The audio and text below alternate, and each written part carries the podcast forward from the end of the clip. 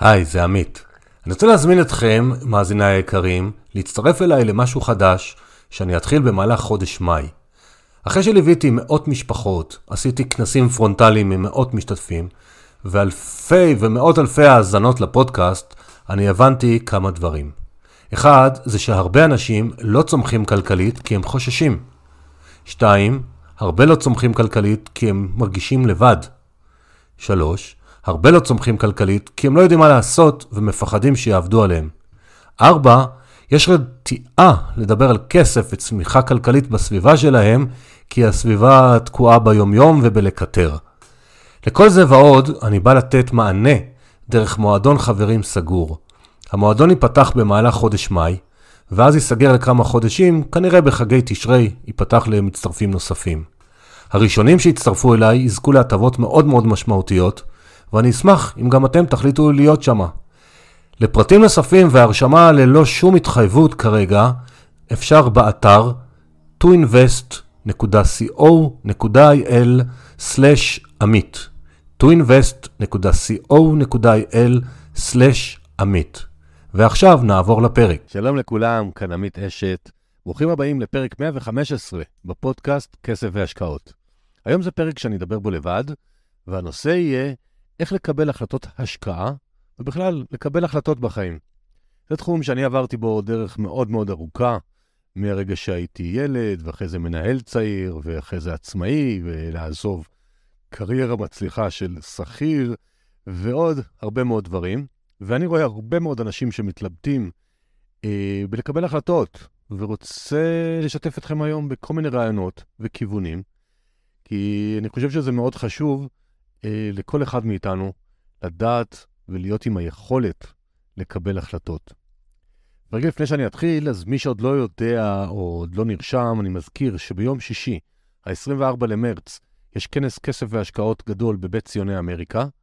יש ארבע הרצאות על השקעות שונות, יש הרצאה על ניהול משא ומתן ככלי לחיים, יש פאנל על ניהול סיכונים בתיק ההשקעות, אוכל כשר ומשובח, ומה שהכי חשוב, אני חושב, זה מאות גברים ונשים כמוכם, שמחפשים דרך לצמוח ולשמוח, ויחד אה, חווים בוקר כזה של כמה שעות, זאת חוויה מטורפת. זה כבר השלישי שאני עושה תוך כמה חודשים, כי אני רואה את עוצמת ההשפעה. קוד קופון, המילה עמית, ייתן לכם הנחה, אה, והלינק להרשמה בתיאור הפרק או באתר שלי.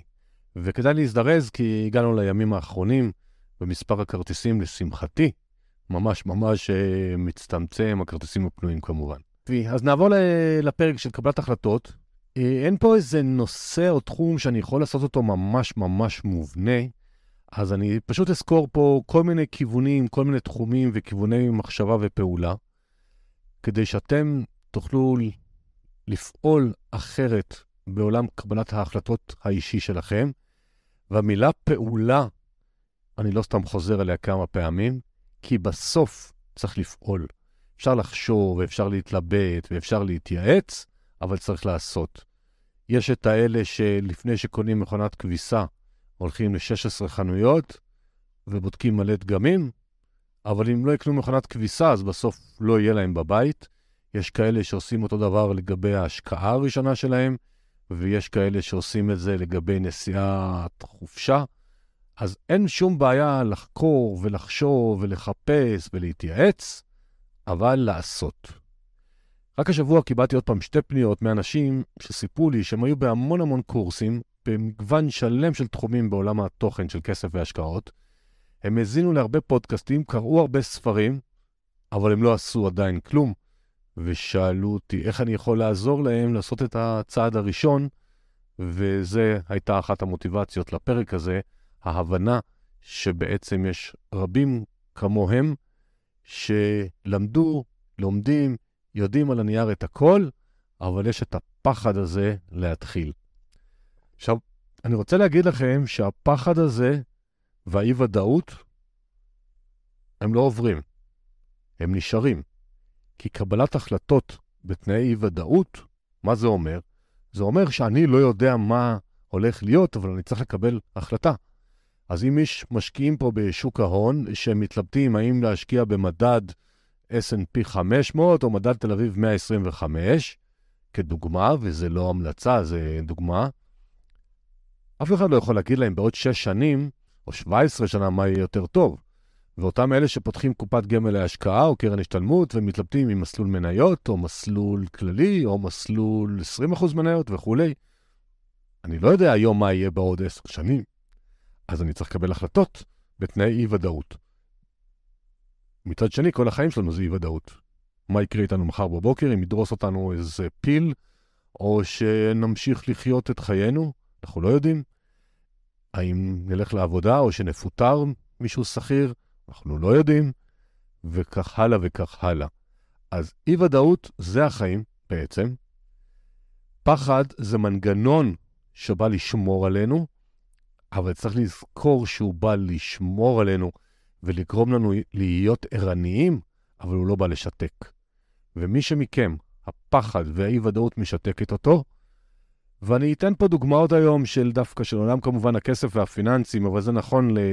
יכול להיות לזוגיות, זה יכול להיות האם לעשות ספורט, האם זה יכול להיות לעשות דיאטה או לא, האם זה לנסוע לטיול הרפתקני בהרים וכולי וכולי. יש לנו מספיק אפשרויות לפחד, יש לנו מספיק דילמות של אי-ודאות בחיים, והפחד בא לשמור עלינו, בא לגרום לנו להיות ערניים, אבל צריך להיזהר מאוד מאוד מאוד מאוד מאוד, לא לתת לו לשתק אותנו. אני, יש לי עשרות דוגמאות על החיים שלי עד היום, שאני עושה דברים וכולם מבחוץ אומרים, וואי, איזה אמיץ ואיזה זורם, אבל לא יודעים כמה הרבה פחדים יש מאחורי זה. ומאחורי הרבה החלטות יש המון המון פחדים, כמו למשל, סיפרתי על הכנס, להרים כנס, זה נשמע נורא מגניב בחוץ, באים, משלמים איזה 50, 70, 80, 200 שקל לכרטיס, באים, אוכלים, משלמים הרצאות והולכים הביתה. לא יודעים שלפני זה יש שלושה, ארבעה, חמישה חודשים של עבודה וסטרס ומתח, כי אולי אף אחד לא יבוא, ויש הוצאות שאתה מתחייב, ואיזה סדר יום לעשות, ואיך לגרום למאזינים שייהנו. יש המון המון פחד, יש המון המון אי-ודאות, מה יהיה מזג האוויר באותו יום, אבל אסור לתת לזה לשתק. הרבה אני אדבר היום בפרק הזה גם על, uh, על תחושות, על רגשות, כי זה חלק מהחיים, בטח כשאני בא לקבל החלטות, וההחלטות הן בתנאי אי-ודאות. אז נשאלת השאלה הרבה פעמים, זה איך אני כן יכול להגדיל ודאות. ויש כמה דברים שאני יכול להגדיל ודאות, למשל, אני יכול להתייעץ עם אנשים שכבר עשו את מה שאני רוצה לעשות, והם מבינים בזה. תחת הנחה שהם יגידו לי את האמת ולא ינסו למכור לי או לרמות אותי, אבל יש אנשים טובים בכל מקום. אז אם אני אתייעץ, ואנשים נורא אוהבים לתת מידע, תפנו לאנשים ותשאלו אותם אם אפשר uh, להיעזר בהם או להתייעץ איתם, אז חלק יגידו לא, חלק יגידו, שלח לי מייל, תשאיר לי הודעה ואני אחזור אליך, וחלק יסכימו להיפגש. ולפעמים זה גם, עוד מעט נדבר על זה גם בתשלום. אבל תתייעצו עם אנשים שמבינים ועשו את מה שאתם רוצים, זה יגדיל לכם קצת את הוודאות, לפחות על התהליך. אחד הטיפים הכי חשובים שיהיה בפרק הזה ולחיים בכלל, בכל תחום, אל תתייעצו עם מה שאני קורא לזה פרשנים שלעולם לא עשו, אבל שמעו ש... שמעו שכולם מפסידים, שמעו שזה נורא מסוכן, שמעו שזה לא כדאי, שמעו שזה ממש לא משתלם, הם שמעו. ממי? מההוא, מהבן דוד, מהזה, קראו בפייסבוק, שמעו בכתבה בטלוויזיה. הם לא עשו. וזה נכון גם לבני משפחה. צריך לזכור, בני משפחה רוצים להגן עליכם, רוצים את טובתכם, אבל הם מדברים מהפחד של עצמם, מהאי-ודאות של עצמם. אם הם לא עשו, אם הם לא ניסו, אם הם לא השקיעו, אם הם לא חוו איזו חוויה שאתם רוצים, אז הם יכולים לדבר מהרהורי ליבם, הם ידברו גם בפסקנות מוחלטת, כי הם בטוחים שהם עושים לכם טוב ושומרים עליכם, אבל תזכרו תמיד, הם מדברים מהפחד של עצמם. הם מדברים מהחוויות של עצמם. אם הם לא עשו, הם לא יודעים איך זה בפועל. זה דבר שכל מי שמצליח בחיים, שתיפגשו איתו ותשאלו אותו עם מי הוא יתייעץ, הוא יגיד לכם את אותו דבר. תתייעצו עם אנשים שעשו, ואולי הם טעו, ואולי הם נפלו, ואולי הם נכשלו, אבל לומדים. מי שרוצה להצליח עושה המון טעויות בדרך, אבל לומד מהם ומתקדם. עוד דבר אחד שיכול להגדיל לכם את הוודאות, זה ללמוד על התחום, להבין לפחות במקרו מה אתם עושים. הרבה פעמים שואלים אותי אנשים, תגיד לי, אנחנו רוצים להתחיל להשקיע בשוק ההון, האם כדאי לנו לקחת קורס? לא משנה איזה קורס. אני אומר להם בדרך כלל כן. גם אם לא תעשו את זה לבד, אתם תבינו איפה הכסף שלכם נמצא, אתם תבינו מה האפשרויות, אתם תבינו מה ההבדל בין מסלולי השקעות ברמות סיכון סיכוי שונות, ואז תקבלו החלטות יותר נכונות, גם אם מישהו אחר יעשה עבורכם. אותו דבר זה מי שהולך להשקיע בנדל"ן בחו"ל, לא משנה אם זה בקבוצה או בבעלות, תבין לפחות מה זה המושגים, מה האפשרויות, מה הדברים. אל תעשה את זה אחרי זה לבד, קח לך יועץ, מלווה, לא משנה מה. תבינו, בגדול לפחות, על מה אתם מדברים. כי הרבה מאוד מהפחדים שלנו והפחד לקבל החלטות נובע מחוסר ידע. ואז הכל נראה מפחיד, הכל נראה וואו, זה, זה, זה, זה שפת סתרים. אבל כשאתה קצת מבין ואתה קצת לומד ומוצא את האנשים שמדברים בגובה העיניים, אז אני קצת יותר מבין, זה הרבה יותר מרגיע. לעשות וקצת לנסות להגדיל ודאות. נושא נוסף שמאוד חשוב לשתף אתכם בדעתי, הוא להבין תמיד מהו מחיר הטעות. מה הכוונה? אני הייתי כמעט 20 שנה מנהל בכיר בתעשייה. תפקידים אחרונים היו לי אלפי עובדים מתחתיי. אני כמובן הכרתי אולי 30, 40, 50 איש. כל החלטה שאני קיבלתי הייתה יכולה להשפיע אחרי זה על אלף איש או אלפיים בשטח. מה זאת אומרת? זה היה בענף הטקסטיל. נגיד שהייתי מחליט שעכשיו אני רוצה שעל כל קרטון ידביקו מדבקה ירוקה. עכשיו פתאום מאות אנשים צריכים ללכת להדפיס את המדבקות, ללכת לכל המחסנים, להתחיל לחפש את כל הקופסאות, נכנסתי להם עוד משהו בתהליך העבודה השוטף, להדביק מדבקה ירוקה. עכשיו זה נשמע, מה זה מדבקה? מה זה... כמה שניות, אבל כשאתה מכפיל את זה באלפים ועשרות אלפים, זה המון. זמן, כסף. אז מה זה אומר מחיר הטעות? אני, כשהייתי מנהל בכיר, לעולם לא ניסיתי לחפש החלטות טובות. ניסיתי לחפש את ההחלטות שגם אם אני טועה, הם יעשו את המינימום נזק. כשאתם באים לקבל החלטה, אתם צריכים להבין מה מחיר הטעות. תא משפחתי שיש לו כסף פנוי 400,000 שקל, שיחליט לקבל השק... החלטת השקעה של 350,000 שקל, שאולי היא תצליח ואולי היא לא, כי אנחנו לא מבינים ויש הרבה אי-ודאות, והיא לא תצליח, מחיר הטעות הוא גדול, הוא כמעט כל ההון שיש להם. אבל את אותם 350,000 שקל יבוא לקבל החלטת השקעה, תא משפחתי שיש לו 5 מיליון שקל פנויים, מחיר הטעות שם הוא שונה. נניח שהכל נעלם, נניח שהכל נהרס, אז זה אף פעם לא כיף גדול, אבל אם זה 350 אלף שקל מ-5 מיליון, זה שונה מ-400 אלף.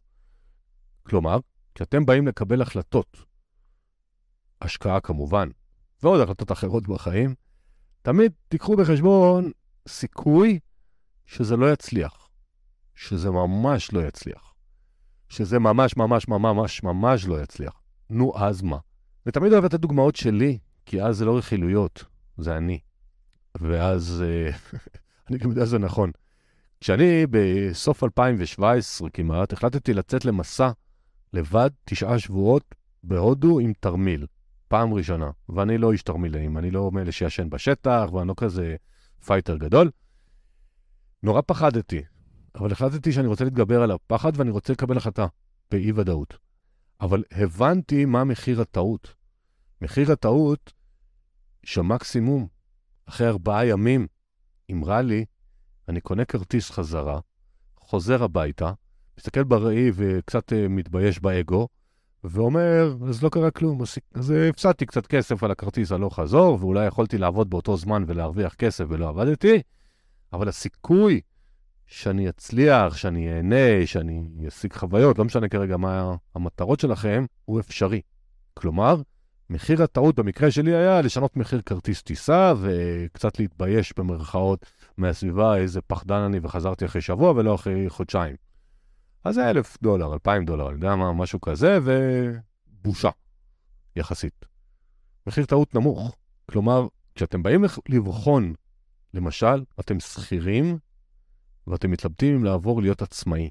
פה עלול להיות מחיר טעות גבוה מאוד אם התא המשפחתי תלוי במשכורת שלכם. אם עדיין לעולם לא עבדתם כעצמאים ואתם לא מבינים, זה פשוט נראה לכם נורא מגניב, כי עצמאי עושה מה שהוא רוצה, וזה ממש לא, בטח לא אם הוא עסק קטן. אז מחיר הטעות יכול להיות גדול, צריך למזער אותו. צריך לנסות לעבוד בכמה פעמים בערב, סופי שבוע, לנסות להתחיל להשיג לקוחות, להבין איך זה עובד, להבין את התחום, להבין מה העסק שלי, מה הייחודיות שלי, מה התמחיר שלי, וכולי וכולי. אני אקטין את מחיר הטעות במקרה שזה טעות.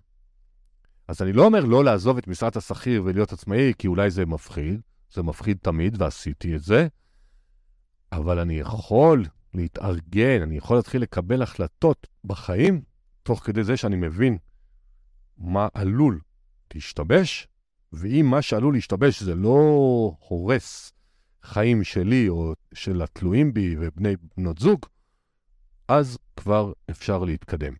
וזה כמובן קשור לנקודה הבאה, שזה קבלת החלטות זוגיות. אם זה בנושא ההשקעות, גם אם אחד או אחת מכם עושים את היום-יום, וזה ברוב התאים המשפחתיים, אה, יש אחד מבני הזוג שהוא בעצם ביום-יום, בשוטף, מתעסק עם זה. אבל לקבל החלטות עקרוניות, תקבלו ביחד. כי אנחנו אמרנו, זה החלטות בתנאי אי-ודאות, אז אם שני בני הזוג מסכימים על כיוון מסוים, אז גם אם הוא לא מצליח, לא קרה שום דבר. לזוגיות הכוונה, לא קרה שום דבר, כי אנחנו עשינו החלטות משותפות. לא הצלחנו, נצליח פעם באה, לא קרה שום דבר. החלטות זוגיות, וכמובן במעבר דירה למשל, זה מובן מאליו לכולם שמקבלים החלטה זוגית. אבל גם זה אי ודאות. אם אני עובר לגור מעיר א' לעיירה ב', יש המון החלטות, אה, בהחלטה הזאת המון אי ודאויות. אם יש ילדים, איך יהיה להם חברים, איך מערכת החינוך שם, האם נמצא עבודה במקום החדש וכולי. אבל זה לא מונע מכם לקבל החלטות בתנאי אי-ודאות. זאת אומרת, אנחנו כל הזמן בחיים מקבלים החלטות, אנחנו לא אוהבים לקבל החלטות, האדם לא אוהב לקבל החלטות. רוב האנשים אוהבים שמחליטים עבורם. הרבה מאוד אנשים שאני שואל אותם, גם אנשים קרובים לי, שאני מתייעץ איתם על uh, דילמות כאלה ואחרות, אז התשובה השכיחה שאומרים לי, אז אומרים לי, לא יודע. או לא יודעת, יופי. ואז אני עונה, למה אני כן יודע? גם אני לא יודע, אבל מישהו צריך לקבל החלטה ומישהו צריך לנסות. תקבלו החלטות, תבינו את מחיר הטעות, תנסו להגדיל את הוודאות.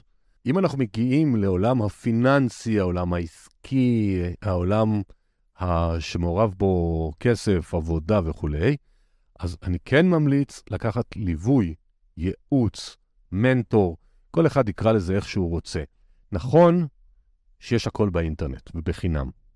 יש יוטיוב, ויש קבוצות פיננסיות ובתחומים אחרים, יש פודקאסטים כמו זה, אבל אין תחליף למישהו שעשה, ואם הוא מקבל מכם כסף, אז הוא באמת רוצה שתצליחו. אז תגידו לעצמכם בלב, אה, למה שהוא רוצה שנצליח? כי קיבל את הכסף שלנו, מה אכפת לו? טעות. הוא רוצה גם לקוחות בעתיד.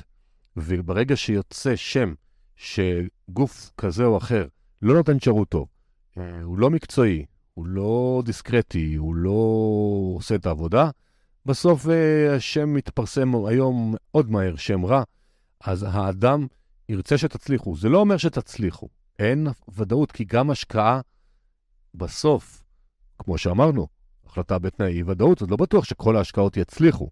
אבל אם תיקחו ליווי, ייעוץ, מנטור, משהו, מישהו שעשה, זה יכול להיות קורס, אבל עוד פעם, קורס, בתנאי שאתם אחרי זה מבטיחים לעצמכם שתעשו ותיישמו. עכשיו, אנחנו כישראלים פחות אוהבים לשלם, ואני עדין במילה פחות אוהבים, אה, אבל קיצורי הדרך בזמן ובמחירי הטעויות הם שווים המון המון כסף לא פעם. דוגמה קלאסית שאני אוהב לתת, למשל יועצי משכנתאות, ואני לא יועץ משכנתאות, זאת אומרת, אני לא מנסה לקדם פה אג'נדה אישית שלי.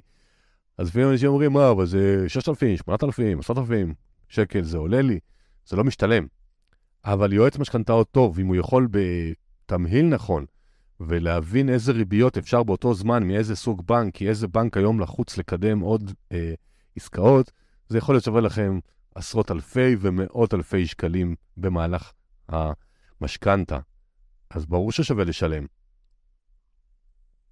ונכון שיש מחשב, מחשבוני משכנתה חינמיים, ונכון שיש יועץ משכנתאות חינמי בכל גוף בנקאי, אבל השאלה מה האינטרס שלו.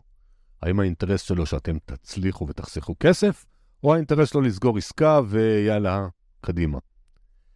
אז למרות שאנחנו ישראלים, אה, אני מציע לכם לקחת ייעוץ, ליווי, מנטור. אני למשל, כיום, בימים אלו ממש, נמצא באיזה קורס שעולה לי הרבה מאוד אלפי שקלים, אז אנחנו מדברים על חמש ספרות. אני מקווה שאני אעצור בקידומת אחד, אחרי כל הנספחים מסביב, ולא אגיע לקידומת שתיים בעשרות אלפי שקלים שיעלה לי הקורס וההשלכות שלו בעסק הלאה. ואני בן 60, זאת אומרת, אני יכולתי בתיאורטית להגיד, אני כבר יודע הכל, ולמה לי לשלם, אבל לא, אני לא יודע הכל, ואני סקרן, ואני רוצה לקדם ולהתקדם, ואני מבין שזה תחום שמעניין אותי הרבה מאוד שנים, אני הרבה מאוד שנים, יש לי תיאוריות מפה עד הודעה חדשה, לא עשיתי עם זה כלום. מצאתי מישהו שאני חושב שכרגע הוא הכי טוב בתחומו, אותו אני לומד, ואני מקווה שאני אצליח ליישם, אבל הקטע הזה של לשלם, הוא גם מכניס אתכם לפעמים לאיזושהי קומיטמנט, לאיזושהי התחייבות, כי כשהכול בחינם, אז לפעמים אנחנו אומרים לעצמנו, טוב, נגיד וובינארים, זו הדוגמה הכי טובה. כמה מכם נרשמתם לוובינארים בחצי שנה האחרונה שלא באתם? כי זה דיבר על השקעות כאלה, וזה דיבר על השקעות כאלה, וזה דיבר על מוצר כזה, וזה... עכשיו, להירשם נורא קל. מגיע רגע האמת, עכשיו אני רוצה לראות כדורגל, עכשיו אני רוצה להיות עם הילדים, עכשיו אני הולך לעשות ספורט, אז נרשמתי. אבל אם הייתי משלם על זה 40 שקל, לא מדבר עכשיו מיליונים, אז כנראה שהייתי כבר uh, מחויב, או שהייתי נרשם, או שהייתי כנראה מגיע. כי אנחנו לא אוהבים לשלם סתם.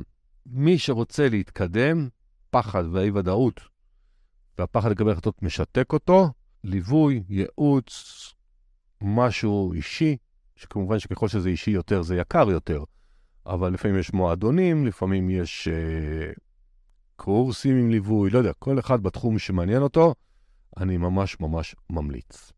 נושא הבא שיכול לעזור לכם לקבל החלטות ולהתקדם, גם פיננסיות וגם בכלל, זה הסביבה שאתם נמצאים בה. דיברתי על זה קצת מקודם, והזכרתי את מי אתם שואלים, אבל פה אני מתכוון לסביבה קצת אחרת.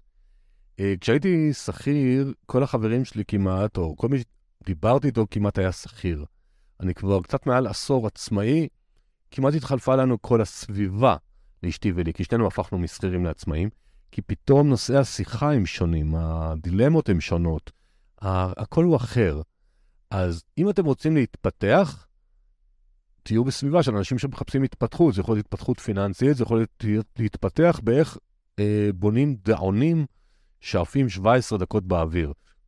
גילוי נאות, אין לי מושג. הסביבה מאוד מאוד משפיעה עליכם. אני, למשל, הכנס שסיפרתי לכם שהולך להיות בסוף החודש, הוא יהיה הכנס השלישי שאני עושה בשבעה חודשים, שלעולם קודם לא עשיתי. שאנשים לא היו בהלם, בכנס הראשון שלי אנשים יצאו בהלם, זה היה 400 איש, סולד אאוט, משהו מטורף, האווירה, הארגון והכל.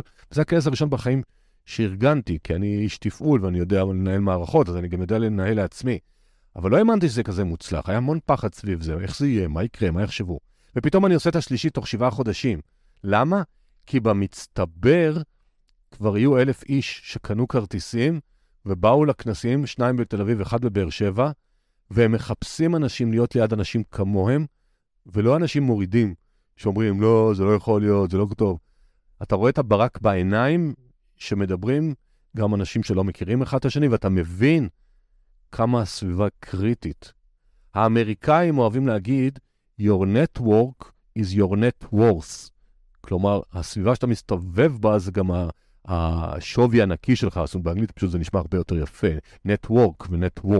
אז אם אנחנו הולכים לסביבה שמבינה את השפה שלנו, נגיד בכנס כזה כמו שלי, בסוף 400 איש יש בקהל, כולם זה אנשים כמונו, רגילים. זה משקיע בזה, זה משקיע בזה, זה רוצה להתפתח כלכלית, זה רוצה להתפתח רגשית, זה רוצה להתפתח רוחנית. מדברים קצת, רואים, מכירים אנשים, קובעים פגישות אחרי זה. נפגשים למעגלי, לבתי קפה בקבוצות של 10, 15, 17, 8 אנשים.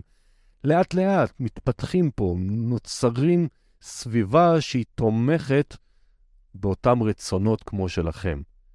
כי להיות לבד בסביבה שמורידה אותנו, נורא קל לא לעשות שינוי. האגו בא לשמור עלינו, האגו בא להגיד לנו, למה לכם לעשות שינוי? מה רע לכם איפה אתם נמצאים? אבל לפעמים בלב עמוק אתם יודעים שרע לכם. אבל אתם לא מעיזים להסתכל פנימה עמוק. רק שאתם, לפני שאתם נרדמים בלילה, יש איזו תחושת כזאת, אה, אוף, אני לא נמצא במקום שאני רוצה. אז תחפשו את הסביבה שאתם רוצים להיות בה. זה לא אומר להחליף עבודה, להחליף זוגיות, להחליף ילדים, להחליף מגורים, כלום. זה פשוט למצוא את האלה שמרימים אתכם, לאלה שעושים לכם טוב, שה vibe שם טוב, ואז כשתרצו לקבל החלטות, יהיה לכם עם מי לדבר, כי הם יבינו את השפה שאתם מדברים. ואשתי היא אומנית פסיפס, אז היא בקבוצות אומני פסיפס, אז כשמישהו מחפש איזה דבק או רובה מיוחדת, אז היא בסביבה כזאת שכולם מבינים על מה היא מדברת, אז פעם היא עונה, פעם היא שואלת. אנשים מרימים אחד לשני, והאומנים, אה, אנחנו גרים בגליל, ברקפת, אז אם מישהו מתקשר אליה, ראה עבודות שלה באינטרנט ואומר, אני מנתניה ואני רוצה לעשות סדנה, אפשר אצלך? אז כשהיא מסבירה איפה היא גרה, אז, אה, אז היא מפנה למישהו שבסביבה של הבן אדם, קולגה, שהבן אדם, הלקוח, יהיה לו פתרון, אבל זאת סביבה שהם מפרגנים אחד לשני. אז כשאתה רוצה לקבל החלטות, ובפיננסים זה בולט עוד יותר, כי ההחלטות הן לפעמים בסכומים יותר גבוהים, האי-ודאות יותר גדולה, רמת הידע אולי יותר נמוכה. זה המקום, סביבה. דבר נוסף שחשוב בקבלת החלטות, זה תמיד, תמיד, עוד איזה 17 פעמים תמיד, לקבל החלטות שאתם שלמים איתן. לא להילחץ מאנשי מכירות, שמחר המחיר עולה, הדיל אוטוטו נגמר אה, בנדל"ן, הנדל"ן, הבתים כבר נמכרו. שמים לנו שלט כזאת בטלוויזיה, הכל כאילו הם שמים את המדבקה, נמכר, נמכר, נמכר, נמכר, יעני ארבע דירות אחרונות, ואם לא הפסדתם. נפסיד, בסדר. נגיע לעסקה הבאה. אז לקבל החלטות כן, בלחץ לא. כי בסוף אנחנו צריכים לחיות עם ההשקעות שלנו, או ההחלטות שלנו.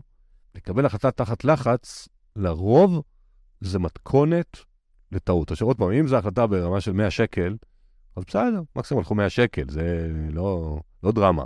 אבל uh, אם זה לקנות, uh, uh, השקע, אם זה להשקיע במאות אלפי שקלים, או אם זה נדל"ן שלא נדבר, וכולי, בהחלטות גדולות, הכל בסדר, אין לחץ, לנסות לקבל החלטות הכי מהר שאפשר, אבל לא בלחץ.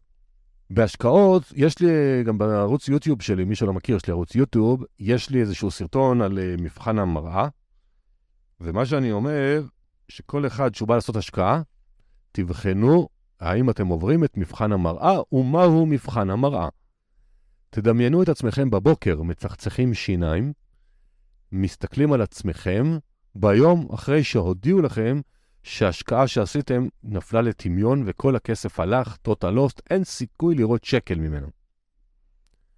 מבחן המראה אומר, האם אני אסתכל על עצמי בהגינות ואני אגיד, בדקתי את כל מה שחשבתי, יכולתי, שאלתי את כל מה שחשבתי לשאול, התייעצתי עם מה שראיתי שאני יכול לשאול וללמוד, למרות זאת קיבלתי את ההחלטה שהיא לא הצליחה. אם כן, עברתם את מבחן המראה, זאת אומרת, עשינו את הכל הכי טוב שאנחנו יכולים כדי לוודא שאנחנו משקיעים השקעה טובה. מתי מבחן המראה אנחנו לא עוברים אותו? אמרו לנו שיוסי, או יעקב, או שלומי, או רונית, הם אחלה אנשים, שכולם מרוויחים אצלם, וזה כולה 200 אלף שקל היום, כי בדרך כלל זה 300 אלף שקל השקעה מינימום. הלכנו ונתנו לאחד השמות האלה ואחרים 200 אלף שקל, כי זה מבצע, וזה רק היום. לא הבנו בדיוק מה זאת השקעה, לא הבנו שהכסף בעצם נעול עכשיו לאיזה 17 וחצי שנה, והסיכוי להרוויח עליו הוא מינוס אינסוף. אבל uh, כולם אמרו שהם בסדר, אז הלכנו. זה לא עובר את מבחן המראה. עכשיו עוד פעם, זה בסדר גמור לעשות את מבחן המראה, ללמוד את מה שצריך, להבין שההחלטה היא ברמת סיכון מאוד מאוד גבוהה, וללכת עליה. אבל כל עוד עשיתי את המבחן הזה, ואמרתי, וואלה, אני הולך לסכן פה 50 אלף שקל, כי אולי הם ירדו לאפס, ואולי הם יעלו ל-172 אלף שקל תוך שנתיים ורבע. וזה מתאים לי, והתחום מעניין אותי, וזה מרגש אותי. אין לי שום בעיה עם זה. כלומר, אני מנסה להעביר לכם את המסר, כל החלטה היא בסדר, ובלבד שבדקתי, שאני מבין, שאני רואה איפה הסייגים, שאני רואה, שאני רואה איפה המסוכנויות, ואם למרות זאת החלטתי שזה מתאים לי, מצוין. אז כדי לעבור את מבחן המראה, אני צריך לשכנע את עצמי שידעתי בדיוק לאיזה מלכודת אני נכנס, או לאיזה השקעה אני נכנס, או לאיזה פתח אה, מרגש של מערת קסמים אני נכנס, ואם אני מבין איפה שמתי את רגליי ואיפה שמתי את כספי, ומה היתרונות ומה החסרונות, מצוין. אני בעד. ואם זה השקעות, למש... יותר קל הדוגמה שאני רוצה לתת בעולם הנדל"ן, או בתחומים של נכסים דיגיטליים, שהרבה פעמים אנחנו לוקחים, אנחנו משקיעים דרך גופים כאלה ואחרים, אה, בניירות ערך זה שונה, אז אנחנו צריכים להבין עם מי אנחנו הולכים. כלומר, ראינו, קפץ לנו בפייסבוק אה, ארבע מודעות של חברה א', ב', ג' וד'. כולם מבטיחים הבטחות נוצצות. אז קודם כל אני מציע תמיד ללכת לדבר עם א', ב', ג' וד', או לפחות עם א', ב', ג', או א', ב', ד', או ב', ג', ד', יש פה מלא אפשרויות, שלוש, ארבע עצרת, לא, פחות. כי מכל פגישה כזאת לומדים, אבל תבקשו ממליצים. ברור שהם ייתנו לכם ממליצים שהם אוהבים אותם, אבל זה גם, אפשר לדבר איתם.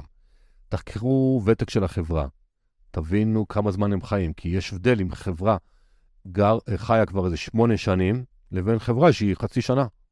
אז יש יותר רקורד, יותר הצלחות, יותר כישלונות.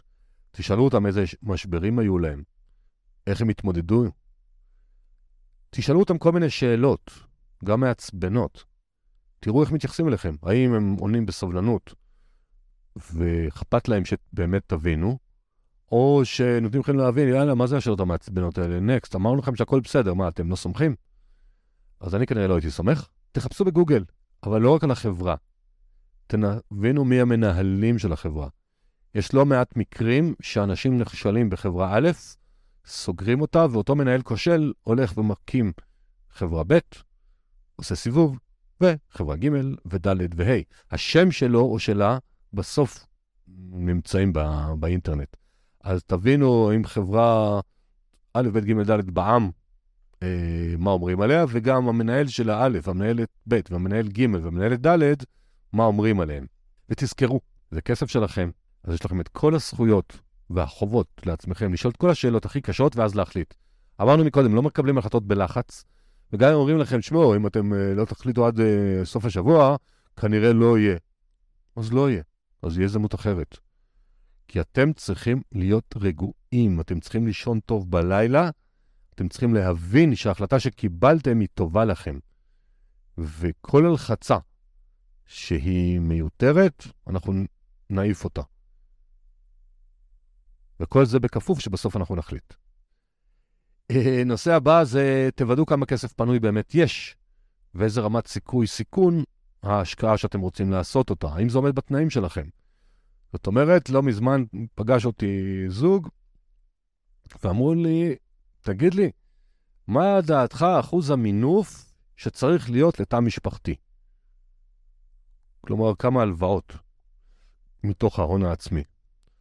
אמרנו להם, לא יודע, אין פה איזה מספר אה, מנצח נכון. קודם כל, זה תלוי ברמת הסיכוי-סיכון שאתם כתא משפחתי מוכנים. זה תלוי כמה אתם ישנים טוב בלילה, אם היום אנחנו בתוואי ריביות עולה, ואתם כל חודש מחזירים יותר, האם יש תזרים פנוי או לא. זה תלוי האם המינוף שלכם, הסיכוי שתרוויחו בו, הוא משמעותי, או שאתם עדיין בראש, באווירה של ריביות אפס כמעט, ואז הדלתא בין עלות הכסף לסיכוי להרוויח היו גבוהות. היום זה מתחיל להיות הרבה יותר מאתגר. אנחנו עוד פעם במרץ 2023, אני לא יודע מתי תקשיבו לפרק. אז כשאני מדבר כמה כסף פנוי יש, אז תראו בקטע משפחתי, האם, אם שוכב לכם בעו"ש 178 אלף שקל כבר uh, שנתיים, אז כנראה שזה כסף באמת פנוי, וכדאי לקבל החלטה עליו ולהבין מה טווח זמן ההשקעה שאני הולך לשים, האם זה כסף לעוד 17 שנה או לעוד חצי שנה, כי אני רוצה לחפש דירה. אז רמת האי-ודאות שאני מוכן לקחת בהשקעה שלי היא שונה לחלוטין כפונקציה של טווח זמן ההשקעה. כי ככל שאני רוצה את הכסף קרוב יותר, רמת הוודאות שאני ארצה היא גבוהה יותר. כי אין לי זמן להתרסקויות, העלאות, לרדת, לעלות, ולא משנה אם זה נדל"ן, שוק ההון וכולי, כי אני צריך את הכסף קרוב. אבל אם זה כסף כזה, שיהיה, שיעבוד, שיגדיל, שיעבוד עבורי, אז יכול להיות שאני פחות רגיש לתנודתיות, ואני יכול לקבל החלטות, השקעה, עם הכסף הפנוי, שאנחנו כזוג מחליטים שהוא באמת פנוי להשקעה, ואנחנו לא צריכים אותו כקרן חירום, ואנחנו לא צריכים אותו לבר מצווה, בת מצווה, לעזור לילדים בלימודים, או טיול חווייתי למשפחה.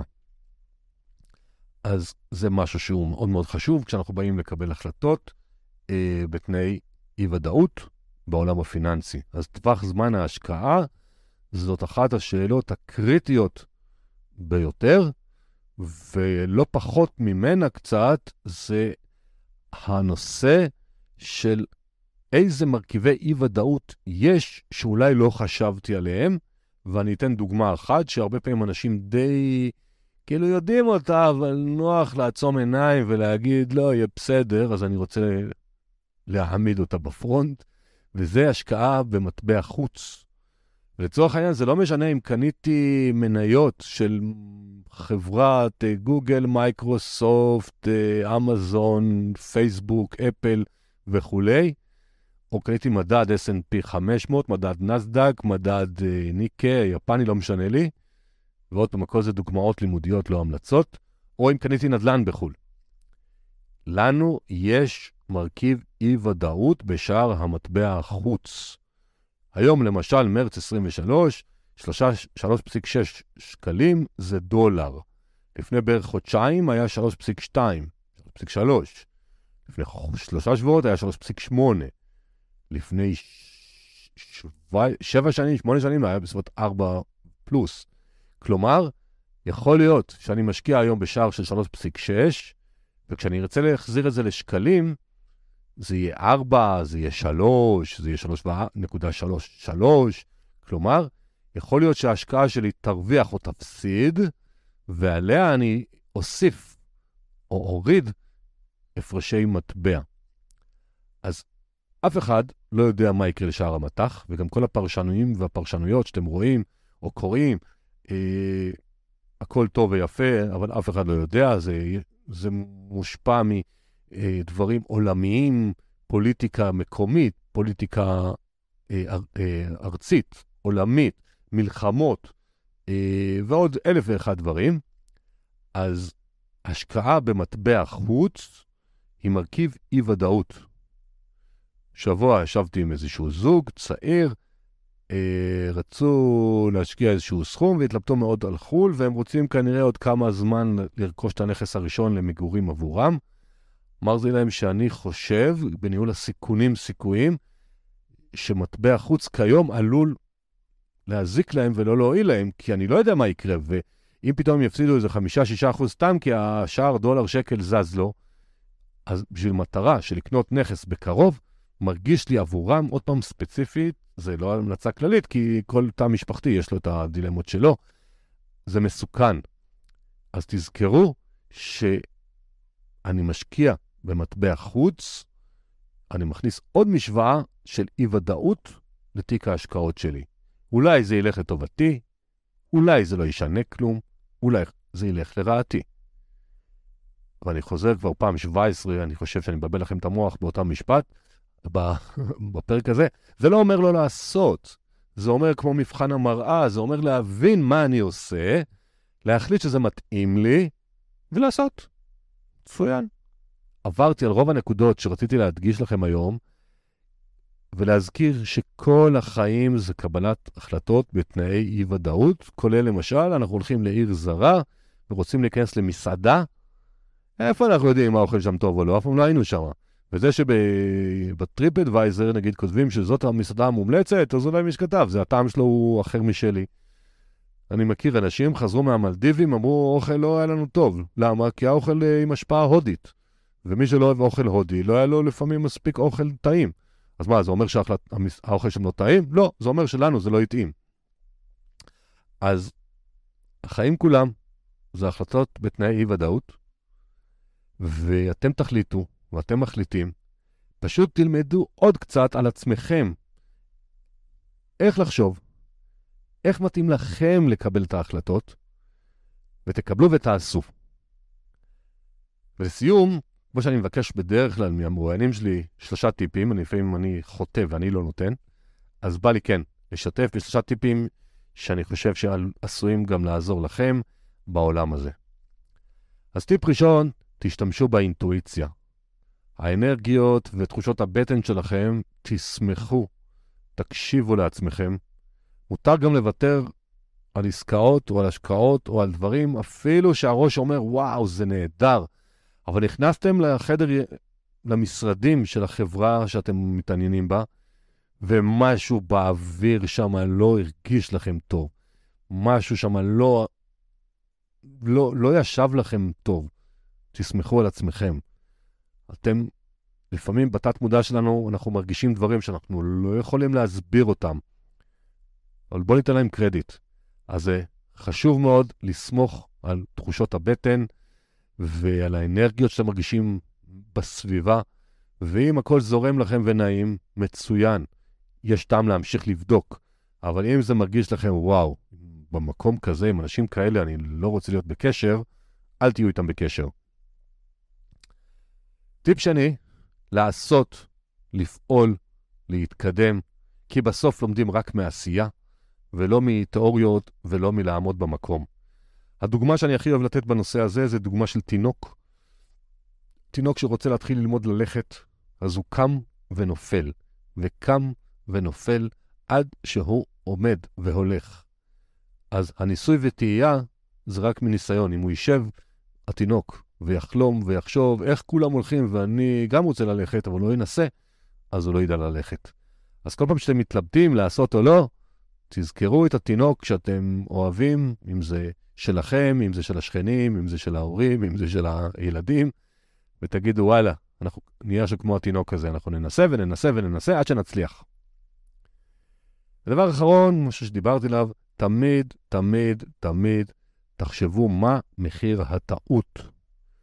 נגיד שקיבלתי החלטה לא טובה, בחיים או בהשקעות, מה עלול לקרות?